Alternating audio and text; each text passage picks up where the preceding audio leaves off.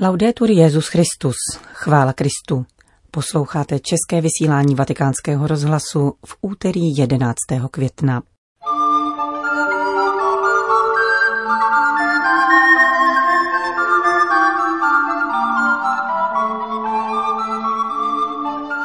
Papež František ustanovil službu laického katechety.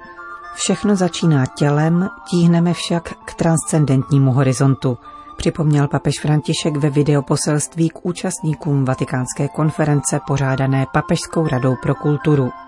Modlitba růžence znovu ožívá, říká na okraj modlitebního maratonu za konec pandemie arcibiskup Rino Fizikella. Od mikrofonu zdraví Johana Bronková.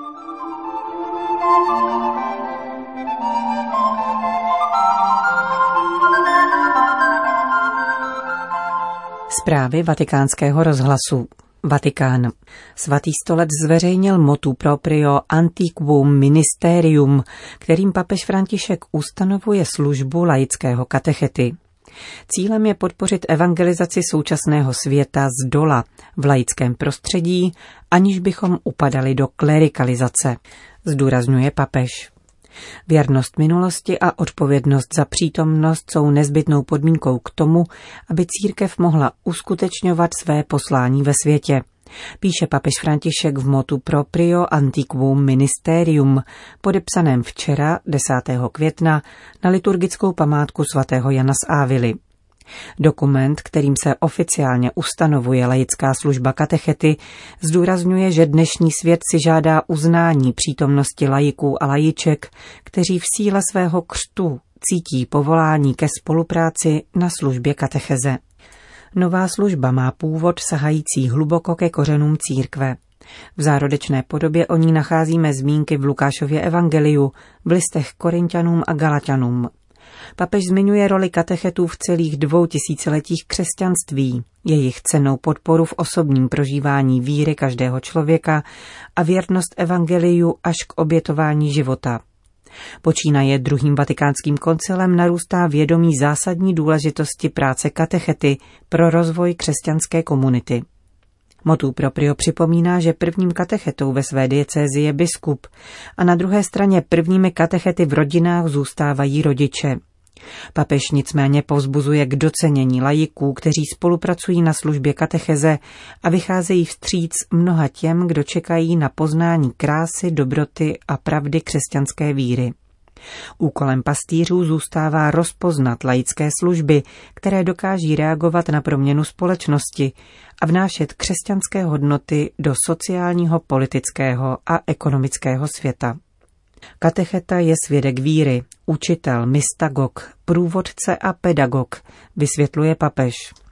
A jako takový je povolán ke službě předávat víru od prvního hlásání po přípravu na svátosti křesťanské iniciace až po trvalou formaci. To všechno je však možné jedině prostřednictvím modlitby, studia a přímého podílu na životě komunity – Přijetí služby laického katechety je pečetí většího misionářského nasazení, jež je rysem každého pokřtěného. Čteme v motu proprio Antiquum Ministerium. Jak papež zdůrazňuje, uskutečňovat se má plně laickou formou, aniž by se upadalo do jakýchkoliv projevů klerikalizace. Služba laického katechety má rovněž charakter povolání, protože je trvalou službou pro místní církev, a jako taková si žádá řádné rozlišení ze strany biskupa. Kongregace pro bohoslužbu a svátosti v brzké době zveřejní zvláštní obřad, kterým budou laičtí katecheté k této službě pověřováni.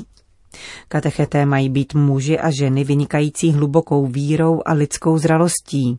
Mají se aktivně účastnit života křesťanské komunity, být připraveni po biblické, teologické, pastorační a pedagogické stránce, mít zkušenost s katechetickou prací, spolupracovat s kněžími a jáhny a nechávat se vést pravým apoštolským nadšením. Čteme ve výčtu předpokladů pro nově ustanovenou službu laického katechety. Na závěr papež František vybízí jednotlivé biskupské konference, aby vypracovali formační postupy a kritéria pro tuto novou službu v souladu s motu proprio a na základě vlastního partikulárního práva.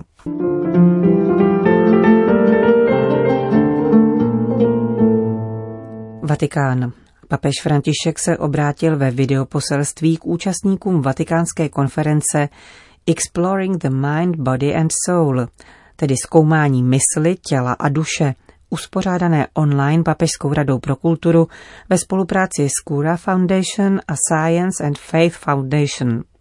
Jak napovídá název akce, cílem odborné debaty byla konfrontace vědců, filozofů a teologů nad otázkami, které klade technologický a vědecký vývoj, jako například etický rozměr genové manipulace a dalších možností otevřených lékařskou vědou. Papež František si v úvodu všímá, že trojice slov v nadpisu sympózia, mysl, tělo a duše, neodpovídá klasickému pojetí člověka v křesťanství, které zpravidla vnímá člověka jako osobu chápanou co by jednotu těla a duše, obdařenou rozumem a vůlí. Připomíná nicméně, že svatý Pavel v listu Soluňanům mluví o rozlišení na ducha, duši a tělo, podobně jako mnozí otcové církve či moderní myslitelé. František tedy přistupuje na toto trojí dělení jako poukaz ke třem dimenzím lidské bytosti, dnes příliš často oddělovaným, jak podotýká, které jsou však ve skutečnosti hluboce a neodmyslitelně provázány. Lo strato biologico della nostra esistenza Biologická vrstva naší existence, která se projevuje v naší tělesnosti, představuje tu nejbezprostřednější dimenzi, avšak nikoli nejsnadnější k porozumění. Nejsme čistí duchové. Pro každého z nás všechno začíná naším tělem a nejen to. Od početí do smrti nejen, že máme tělo, nýbrž jsme tělem. A křesťanská víra nám říká, že jim budeme také ve vzkříšení. Jak papež podotýká, lékařská věda po této stránce představuje fascinující putování lidské bytosti za objevením sebe sama. Platí to nejen pro západní akademickou vědu, ale také pro bohatství nejrůznějších lékařských tradic jiných civilizací. František si všímá interdisciplinárního rozvoje, který v poslední době napomáhá lepšímu popisu vztahů mezi fyzickým zdravím a prostředím, výživou, psychofyzickým stavem a péčí o duchovní život. A péčí o duchovní život. A bádá dokonce nad vztahem mezi zdravím a uměním, na druhé straně dochází k aplikaci vědecko-technického poznání na lékařské vědy, které se projevuje zejména v oblasti genetiky. Spolu s ním však vyvstávají některé zásadní antropologické a etické otazníky, jako například problém manipulace lidského genomu s cílem kontrolovat nebo dokonce překonat proces stárnutí nebo modifikovat možnosti lidské bytosti. Dodává papež, a obrací se k druhému pojmu obsaženému v názvu sympózia. Mysl. Výraz, který se pojí s představou ducha, intelektu, rozumu, který je základem možnosti lidského sebeporozumění. Základní otázka, nad níž jste debatovali, je ve skutečnosti tatáž, která po tisíciletí vede lidstvo k hledání toho, co nás činí lidskými. V současné době se tento konstitutivní prvek často stotožňuje s mozkem a neurologickými procesy. Nicméně, jakkoliv zásadní je význam biologické a funkční komponenty mozku, přece není prvkem, který by byl sto vysvětlit všechny jevy, které nás definují jako člověka. Mnohé z nich totiž nejsou měřitelné a tedy přesahují tělesnou matérii. E dunque vanno oltre la materialità corporea. František dále poukazuje na otázky obsažené v termínu mysl, intelekt, kterými se odedávna zabývali zejména filozofové a teologové a konstatuje, že bádání nad nimi nestratilo nic na aktuálnosti, protože se týká původu lidských schopností, jako je morální vnímavost, soucit, empatie, solidární láska nebo estetické cítění, či hledání nekonečného a transcendentního. Jak v židovsko-křesťanské, tak také v řecko-helenské tradici přivádějí tyto koncepty k transcendentní dimenzi, k nemateriálnímu principu, nazývanému duší, pokračoval papež František.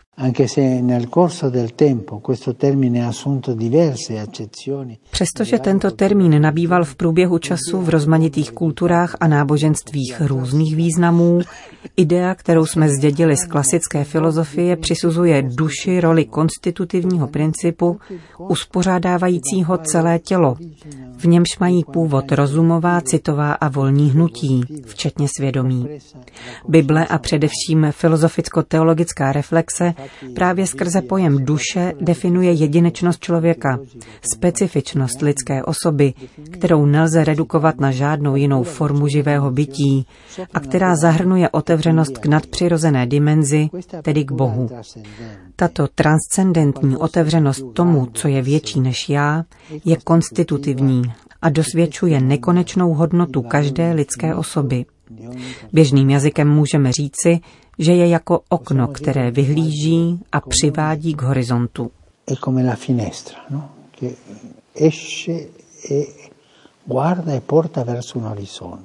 Řekl papež František v poselství k účastníkům konference nadepsané Zkoumání mysli, těla a duše a popřál badatelům a studentům, aby pokračovali v interdisciplinárním výzkumu vedoucímu k lepšímu pochopení nás samých a směřujícímu k transcendentnímu horizontu, k němu štíhne naše bytí.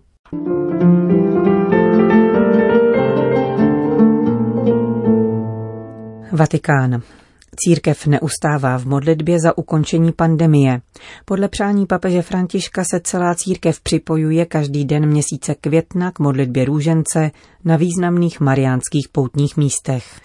Dnešní zastavení růžencového maratonu probíhá v belgickém Bano, kde se Matka Boží ukázala v roce 1933 jedenáctileté dívce Marietě Beko a představila se jako panna chudých.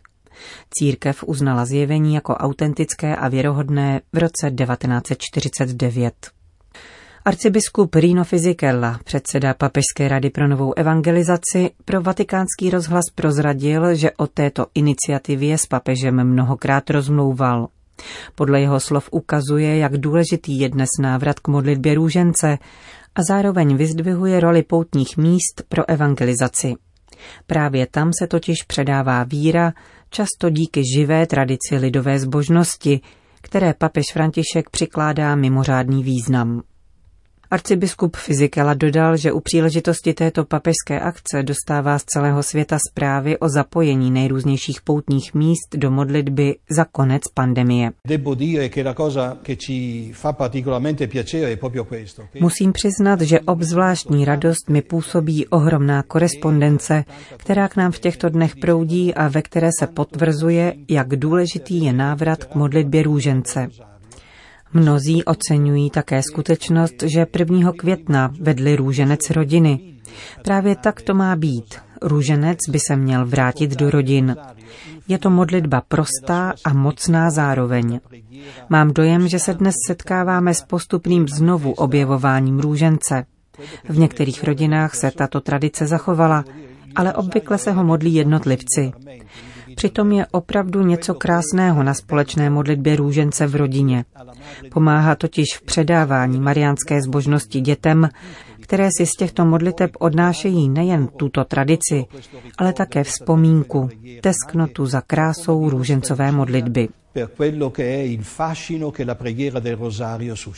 Arcibiskup Fizikela mluví také o svém překvapení nad tím, že se do růžencového maratonu zapojily rovněž některé protestantské komunity. Řekl jsem o tom papežovi, kterého to ovšem nepřekvapilo. Věděl, že někteří protestanté, zejména ti, kteří žijí na východě, mají ve zvyku modlit se růženec, dodává arcibiskup Fizikela.